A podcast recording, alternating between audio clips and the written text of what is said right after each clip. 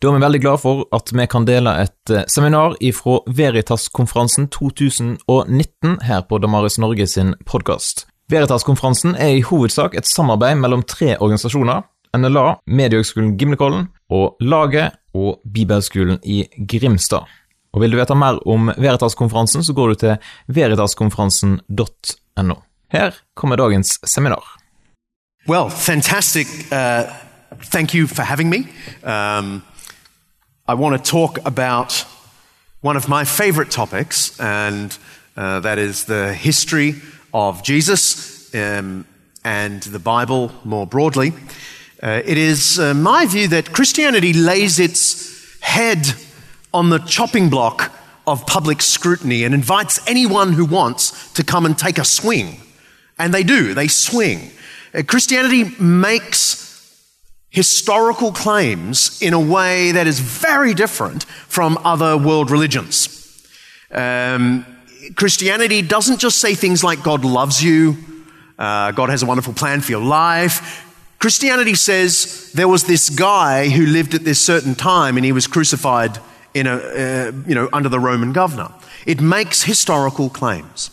If, if I could maybe illustrate the difference between other religions and Christianity on this point, I, I would say that if I came to you tonight and my uh, message was that my great great grandmother had appeared to me last night in a dream and revealed to me the truths of the spiritual realm, and now I want to share them with you.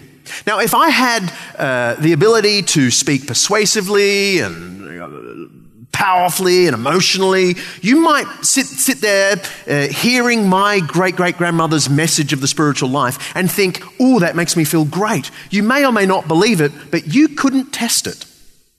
You couldn't test whether I even had the dream that I'm telling you about, let alone whether the content of the dream was true, right? It's unverifiable.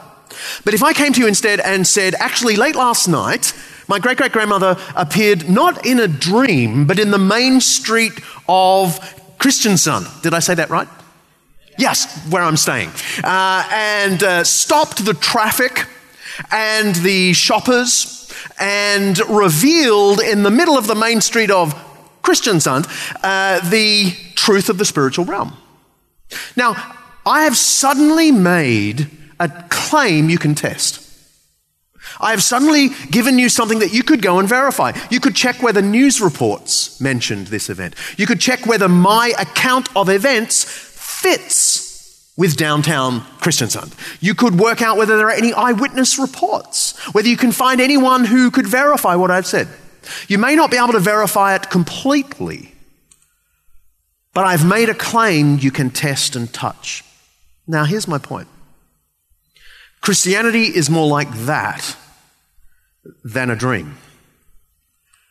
And the religions of the world are more like a dream than a verifiable claim. Christians don't just say God loves you, has a wonderful plan for your life. They say certain things happened in time and space, and you can check it out. I mean, consider what Paul in 1 Corinthians 15 says is of first importance that Christ died for our sins according to the scriptures, that he was buried, that he was raised on the third day according to the scriptures, that he appeared to Peter and then to the 12. After that, he appeared to more than 500 and so on. He's making a historical claim about events in time and space. Yes, he's also making theological claims, but they are rooted in actual events. Christianity lays its head on the chopping block of public scrutiny and invites anyone to come and take a swing. Or consider the opening uh, paragraph of Luke's gospel. It is so clear that Luke thinks he's telling you about stuff that happened in time, in recent memory. Many have undertaken to draw up an account of the things that have been fulfilled among us, just as they were handed down to us by those who from the first were eyewitnesses and servants of the word. With this in mind, since I myself have carefully investigated everything from the beginning, etc., etc., it is clear that Luke thinks he's telling a real historical story. Or what about the beginning of the adult ministry of Jesus described in Luke chapter 3? Um, th- this may seem like a very boring paragraph introducing the adult ministry of Jesus, but it, for, an, uh, for an historian, it's very exciting. Ready? In the 15th year of the reign of Tiberius Caesar, when Pontius Pilate was governor of Judea, Herod, tetrarch of Galilee, his brother Philip, tetrarch of Iturea and Trachonitis, and Lysanias, tetrarch of Abilene, during the high priesthood of Annas and Caiaphas. And you probably think, yeah, there's not something very special there for me today. But this is a wonderful pinpointing because uh, Luke couldn't say AD 28. Because uh, Dennis the Little had not even invented BC and AD. Dennis the Little in the 6th century was given the task of calculating when the year of the Lord's birth was. He came up with the AD BC thing. But in Luke's day, there was no BC AD. So he has to pinpoint when this happened by mentioning figures who were public figures, and we can verify every one of them. We are in history.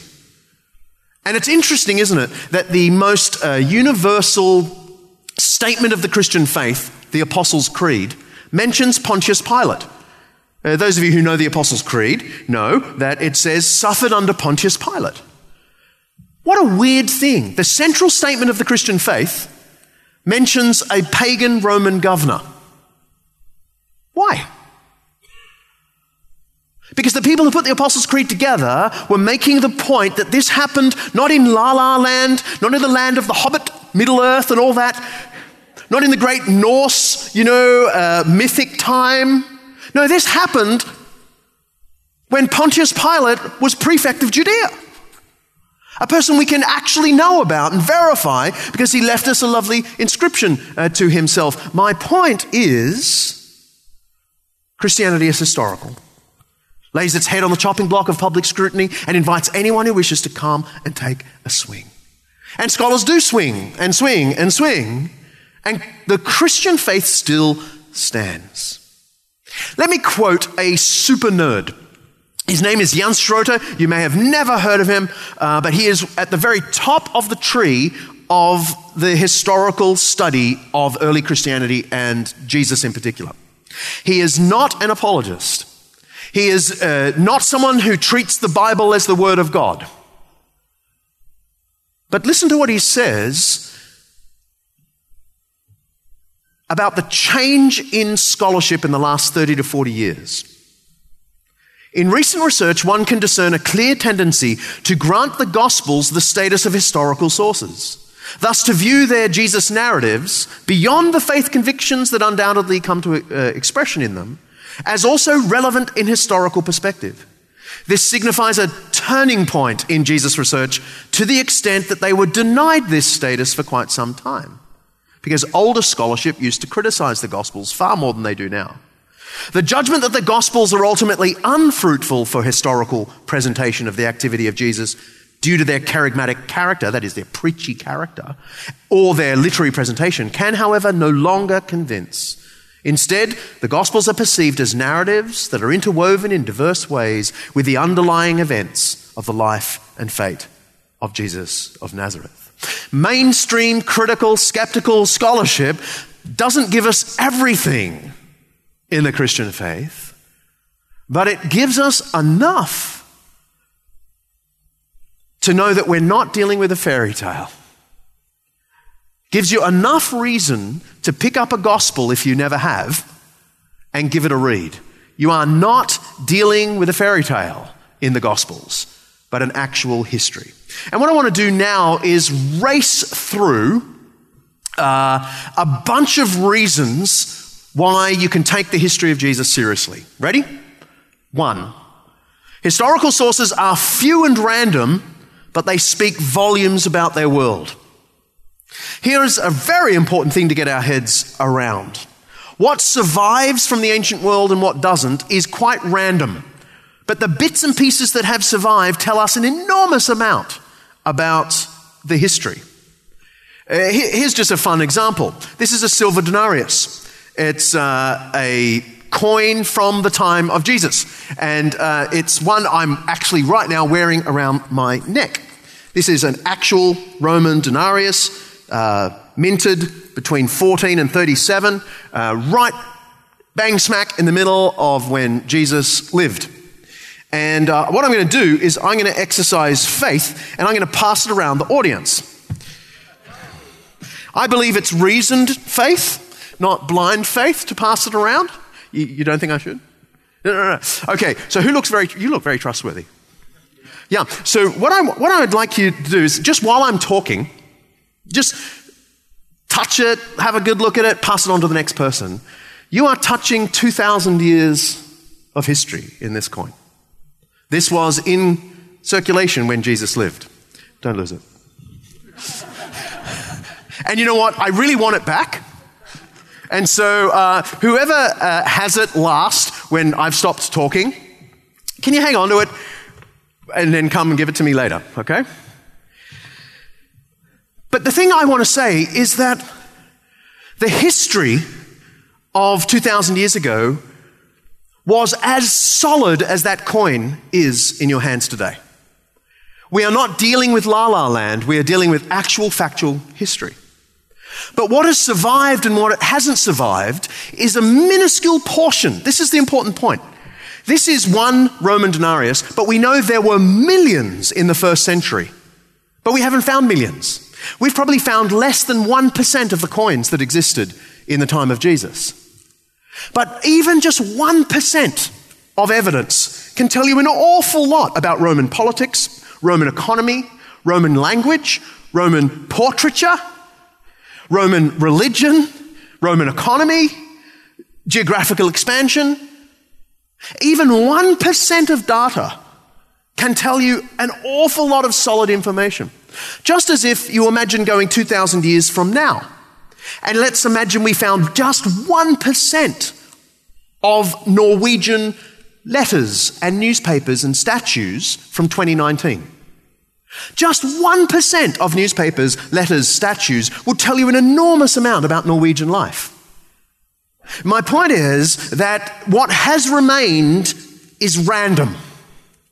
But what remains tells you an awful lot of information. Let me give you uh, some uh, examples.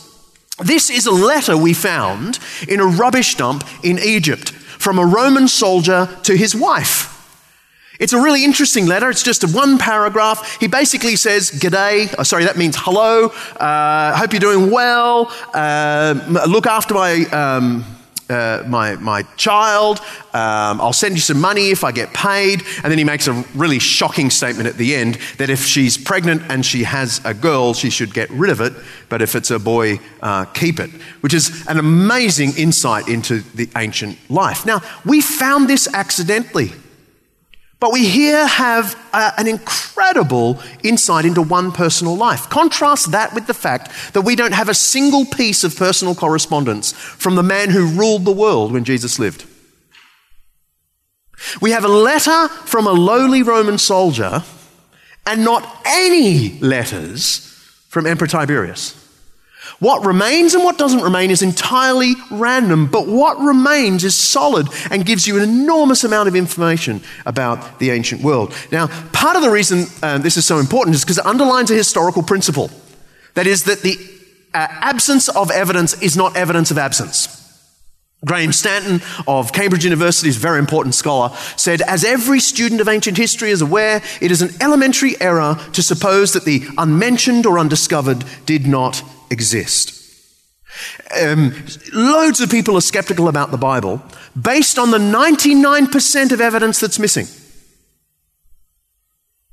Instead of looking at the 1% we have that always confirms what we have in the Bible, they say, oh, no, no, no I, I, I won't believe it until I have the 99%.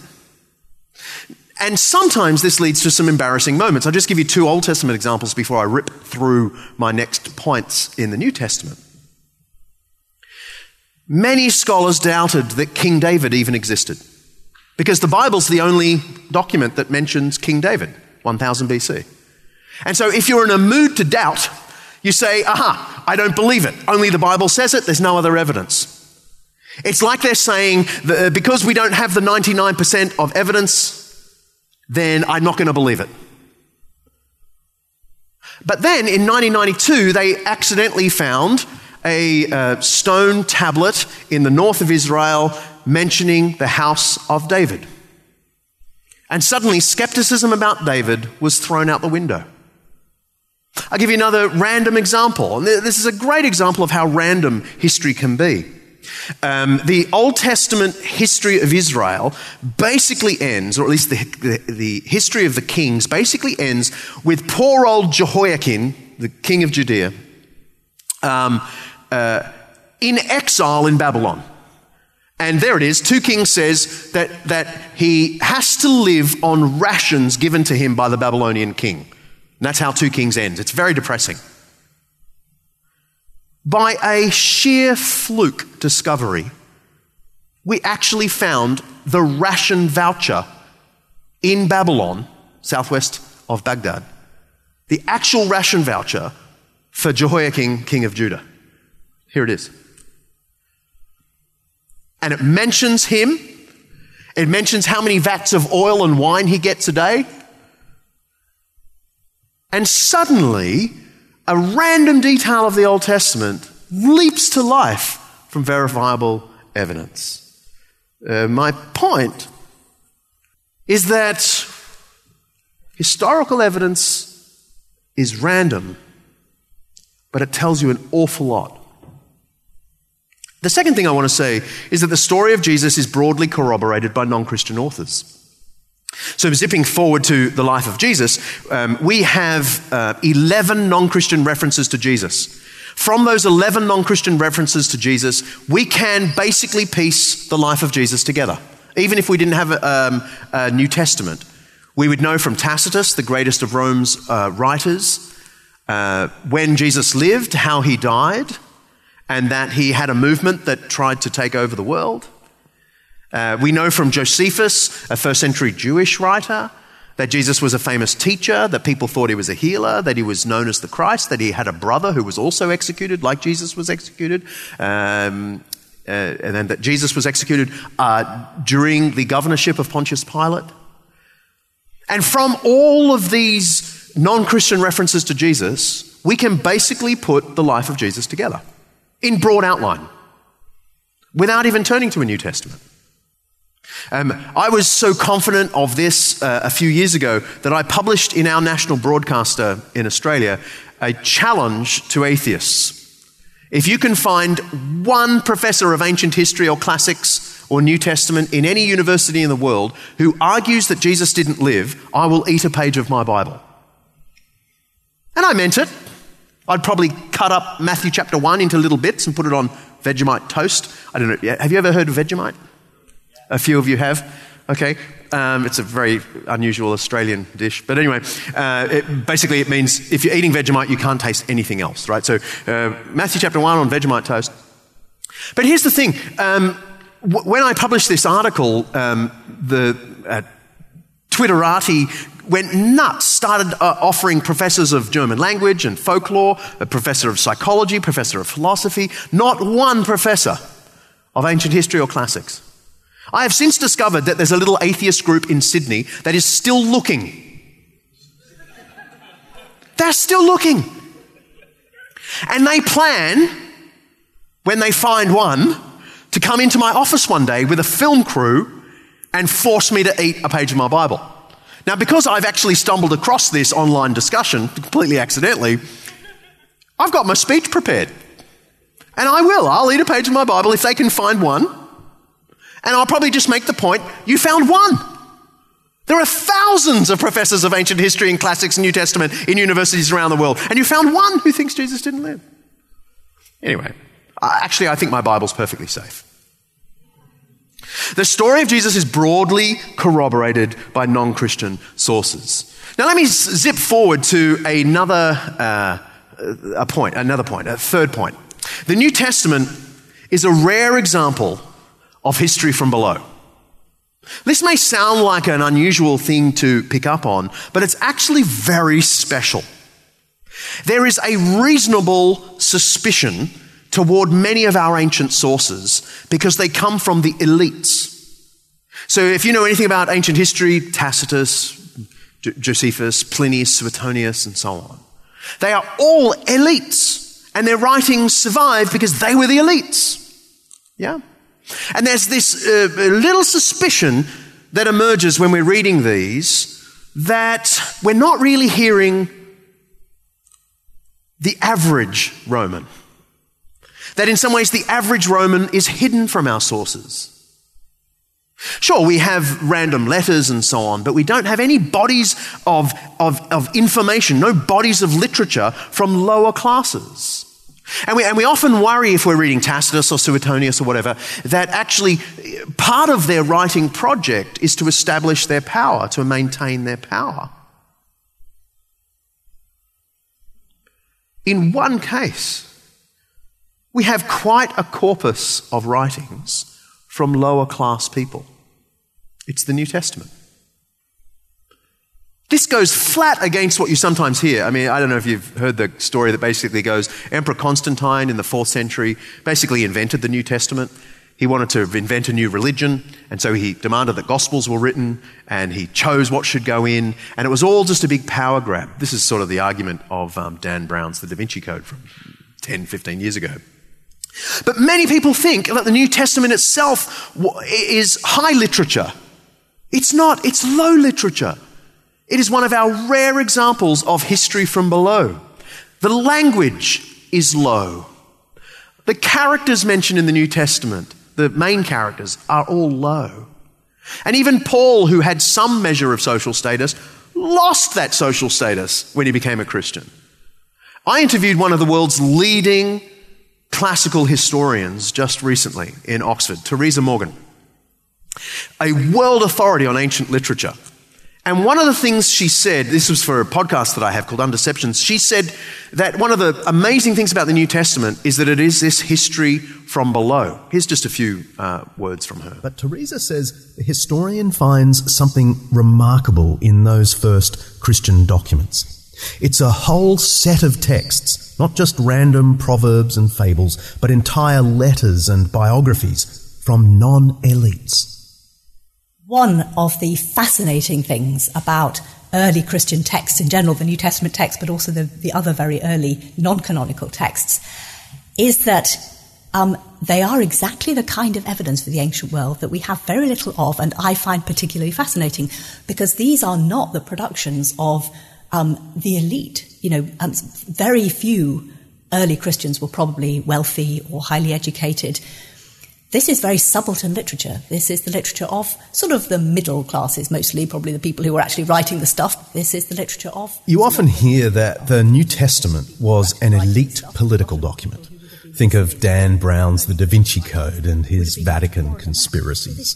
People sometimes get the impression that these texts were produced by powerful figures, chosen for political purposes, and then forced on the common folk. Nothing could be further from the truth. The New Testament provides us with history from below. A lot of the people who would have been listening to early Christian writings would have been much poorer than that. So this really is the community literature of very ordinary people. And as such, it's actually a priceless I mean, aside from its religious value, it's a priceless document in social history of the lives of a very a community of really pretty ordinary people in the early Roman Empire, of a kind that we have almost no parallel for. In a world that worries that power is abusive and power is misleading, it is just a wonderful thing that you can invite people to read one of our only collections from ancient history that is from below, from those without power.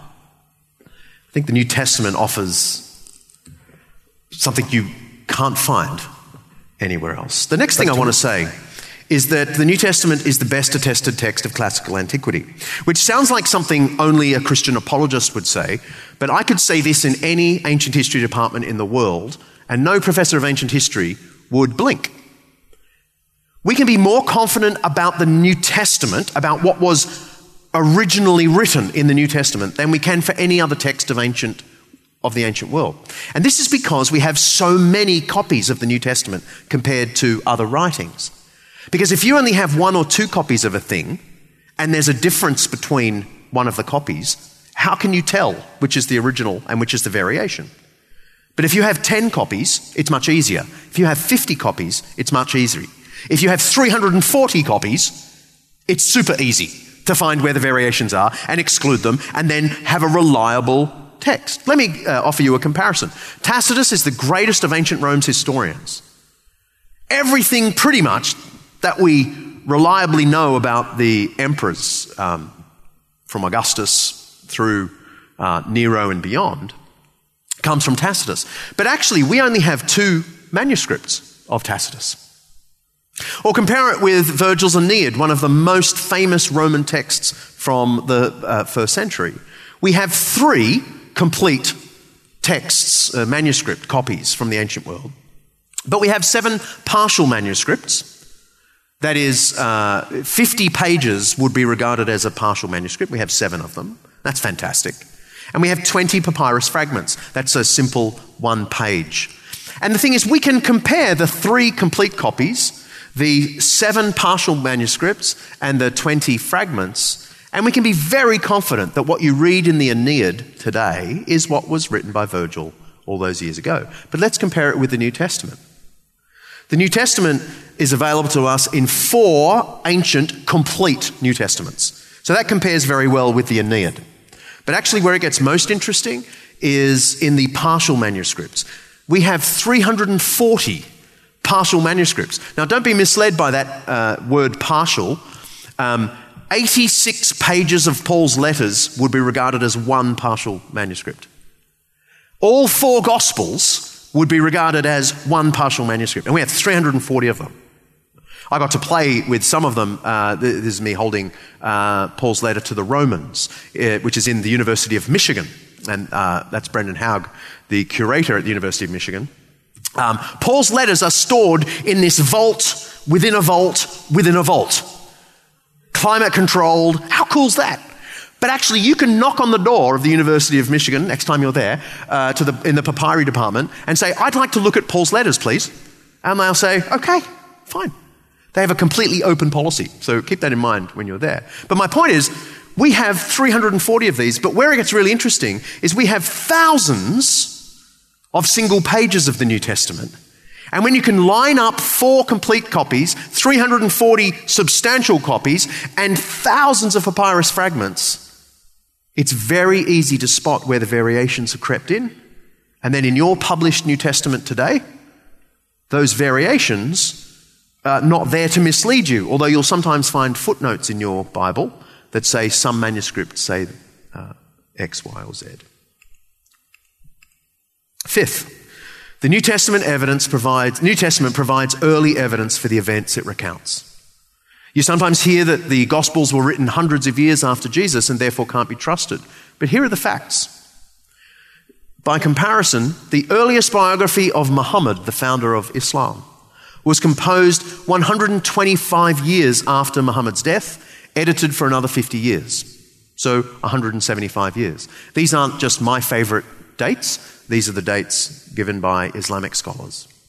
Uh, the first written records of Siddhartha Gautama, the Buddha, come from 350 years after his death. Isn't that amazing? We don't have a single writing about the Buddha for 350 years after his death. But actually, because oral tradition was so strong in northern India in, in that period, we can be pretty confident that those texts do preserve much of what the Buddha taught. The first uh, extant source that we have for Alexander the Great is Polybius. He wrote 120 years after Alexander. The most important source for Emperor Tiberius is Tacitus, written almost 80 years after Tiberius. These are the kinds of dates historians are used to. How does it compare to the New Testament? All the New Testament documents were written within 65 years of Jesus, and some of them within 20 years. This means that compared to other writings of people that we have no doubts about in terms of the general course of their life, the New Testament scores incredibly well.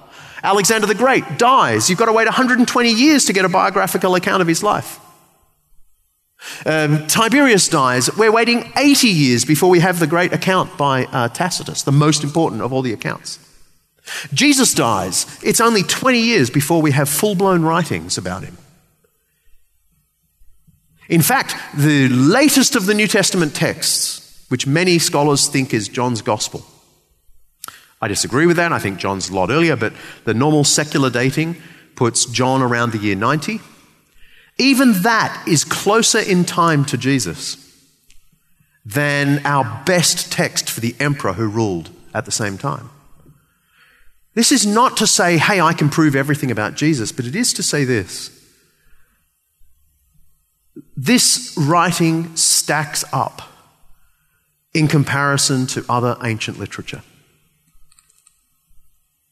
You, if you haven't picked up a gospel for a long time, and I'm sure there are some here who haven't, you should pick it up. You should have a read because you are not reading The Hobbit.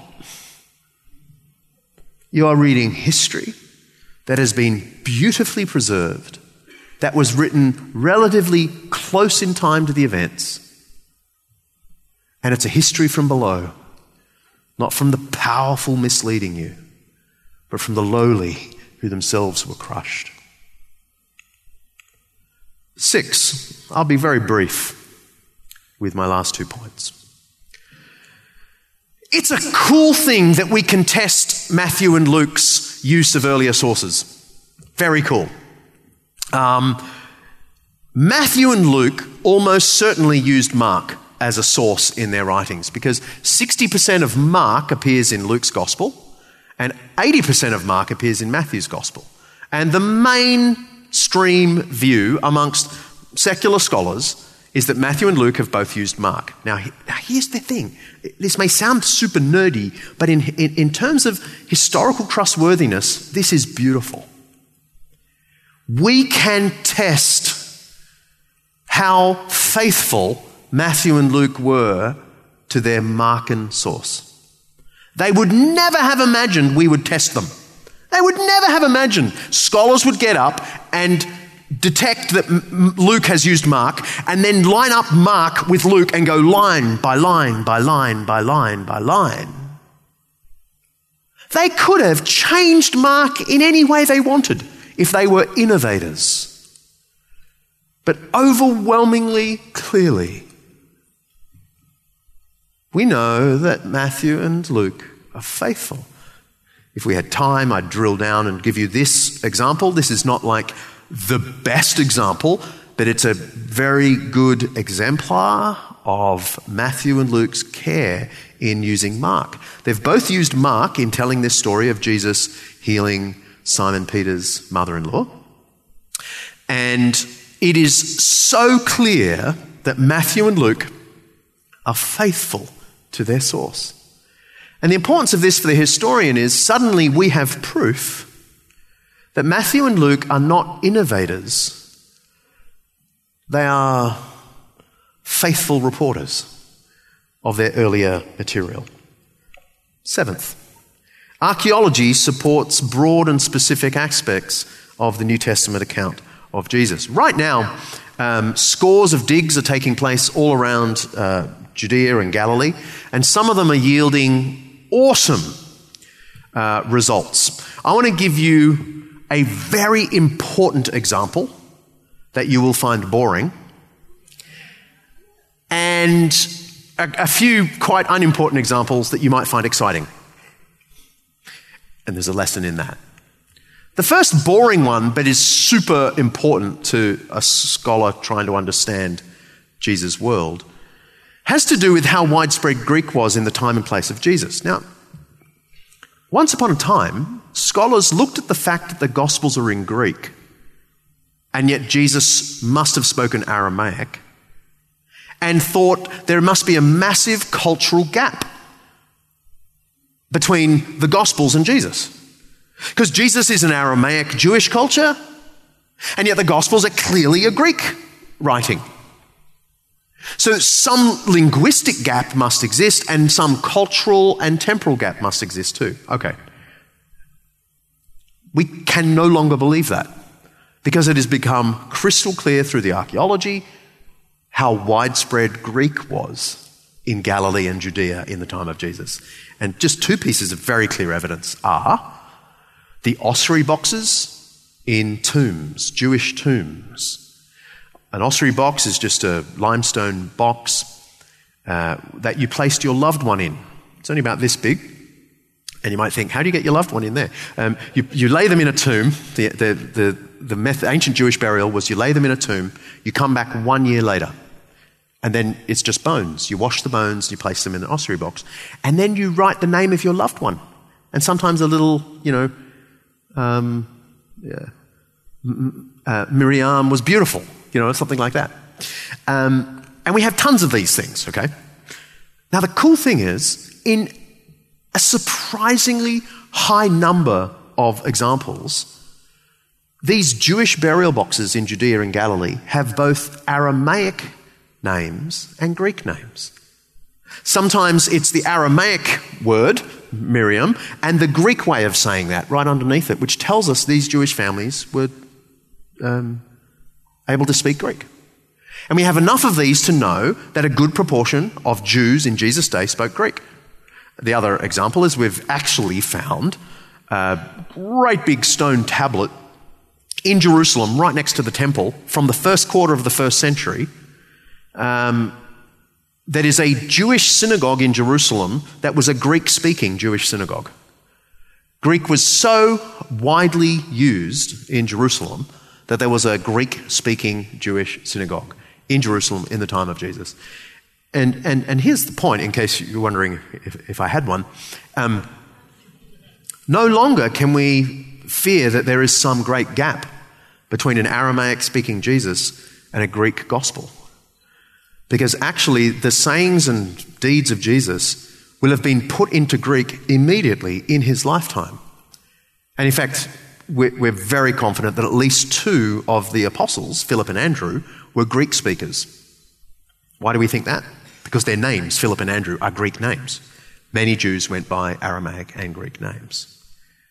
What this means is that the Gospels are very proximate, not distant. Okay, here are some um, trivial examples that are kind of cool. Um, we have literary references to Pontius Pilate, but no historical archaeological evidence until about 1965 when they accidentally found this discarded piece of stone in Caesarea on the coast of Israel uh, where Pontius Pilate uh, honors a building, uh, honors the emperor as he opens a building, and names himself Pontius Pilatus, prefect of Judea. Um, another cool example is in John chapter 5, there is mention of a pool and John goes to the trouble of saying it has five covered colonnades and it's near the sheep gate. You know the sheep gate? Right? It's like he expects you to know, oh, yeah, the sheep gate. Yeah, just round the corner from Mary's house, right? Um, and, and, he's, and he goes to the, the bother of saying five covered colonnades. Now, that's a weird thing to do. And some scholars thought that uh, he was just sort of making it up, you know, describing it in detail to make it sound more living. And then scholars dug slightly to the left and found the only example of a five colonnaded pool right near the sheep gate in Jerusalem. In John chapter 9, there's another pool called the Pool of Siloam. Jesus is meant to have healed someone there. But we dug up all around Siloam, and we know exactly where Siloam is. It's now a suburb of Jerusalem called Siloam, mainly Arab speaking suburb. Um, but in June 2004, during sewerage works, they accidentally uncovered the largest Jewish bathing pool yet found, smack bang in the middle of Siloam, just deeper than they'd ever dug before. Don't worry about what he, he's saying, I can say it better. Uh, these steps are Herodian steps, leading to, as I say, the largest Jewish bathing pool uh, that we've yet found. They haven't finished digging it out yet, uh, but that's what it uh, once uh, looked like undoubtedly the pool of Siloam mentioned in the Gospels. There are many other examples I could give, but I, I, want to close with this example because it takes me to where I want to land. It's sometimes said that the idea that Jesus was God was only a late development. You know, you sometimes hear Emperor Constantine in the fourth century elevated Jesus the teacher to Jesus the God. And from that time on, Christians worship Jesus as God, but not earlier. Well, there's all sorts of literary arguments that we can make against that thesis, but in 2005, they were um, doing some works in a maximum security jail in central Israel, in Megiddo. You might think, what were they doing digging in the courtyard of a jail? Right? They weren't trying to escape. They were just doing some uh, works. And they dug and found a mosaic And the Israel Antiquities Authority was called in. They cleared the area. They have found the oldest church yet found that predates Emperor Constantine by well over 100 years.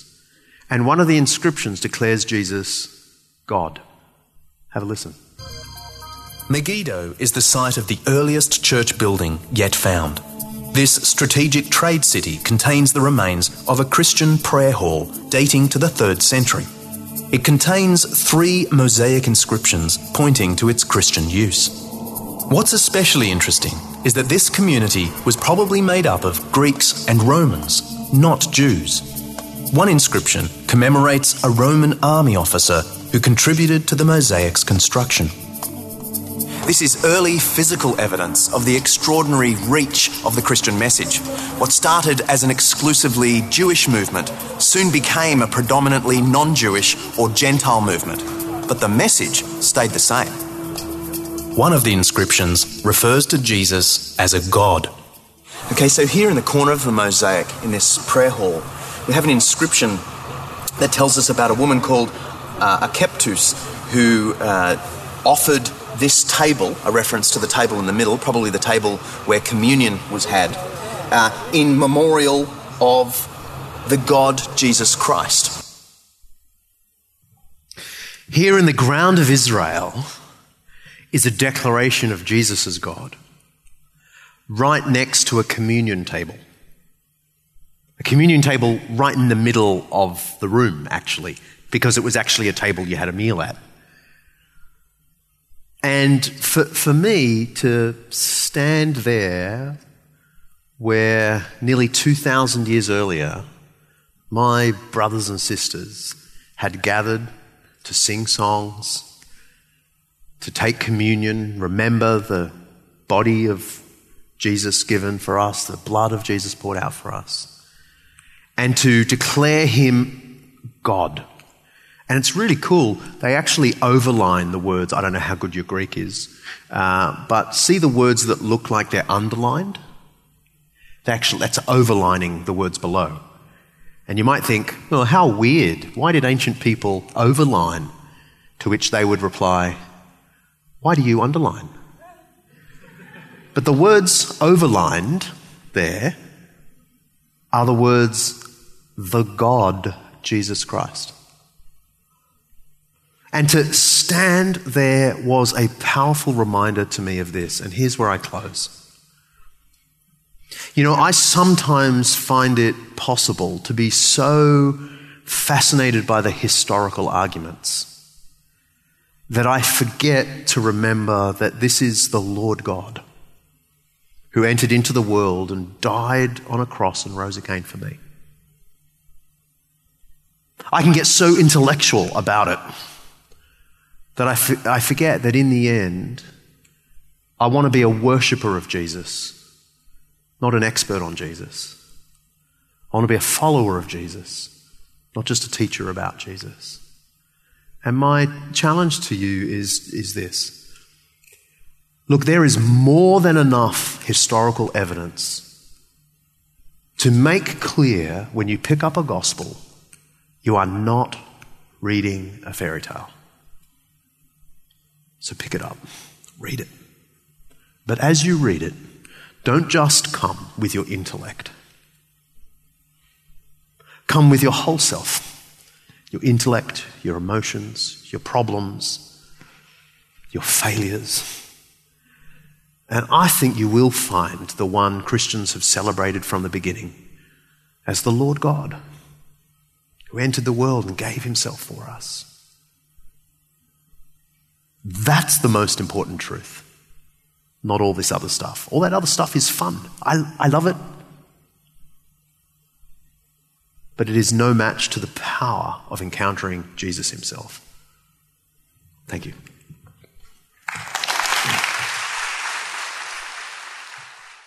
Takk for at du lytter gjennom dette seminaret her. Og Skulle du ønske at flere fikk med seg det gode innholdet, ja, da kan du jo faktisk dele seminaret med noen, eller tipse dem om seminaret i sosiale medier. Vi setter også veldig stor pris på om du har lyst til å skrive en anmeldelse av Damaris Norge sin podkast på de ulike podkastplattformene. Da hjelper det oss å løfte podkasten opp, sånn at flere får nytte av den. Jeg vil også nevne at eh, du kan ha mulighet for å kjøpe diverse bøker via nettsida snakkomtro.no, der flere av de som eh, var med på Veritas-konferansen, har sine bøker tilgjengelig der. Så sjekk ut Snakk om tro, og kjøp gjerne ei bok eller to.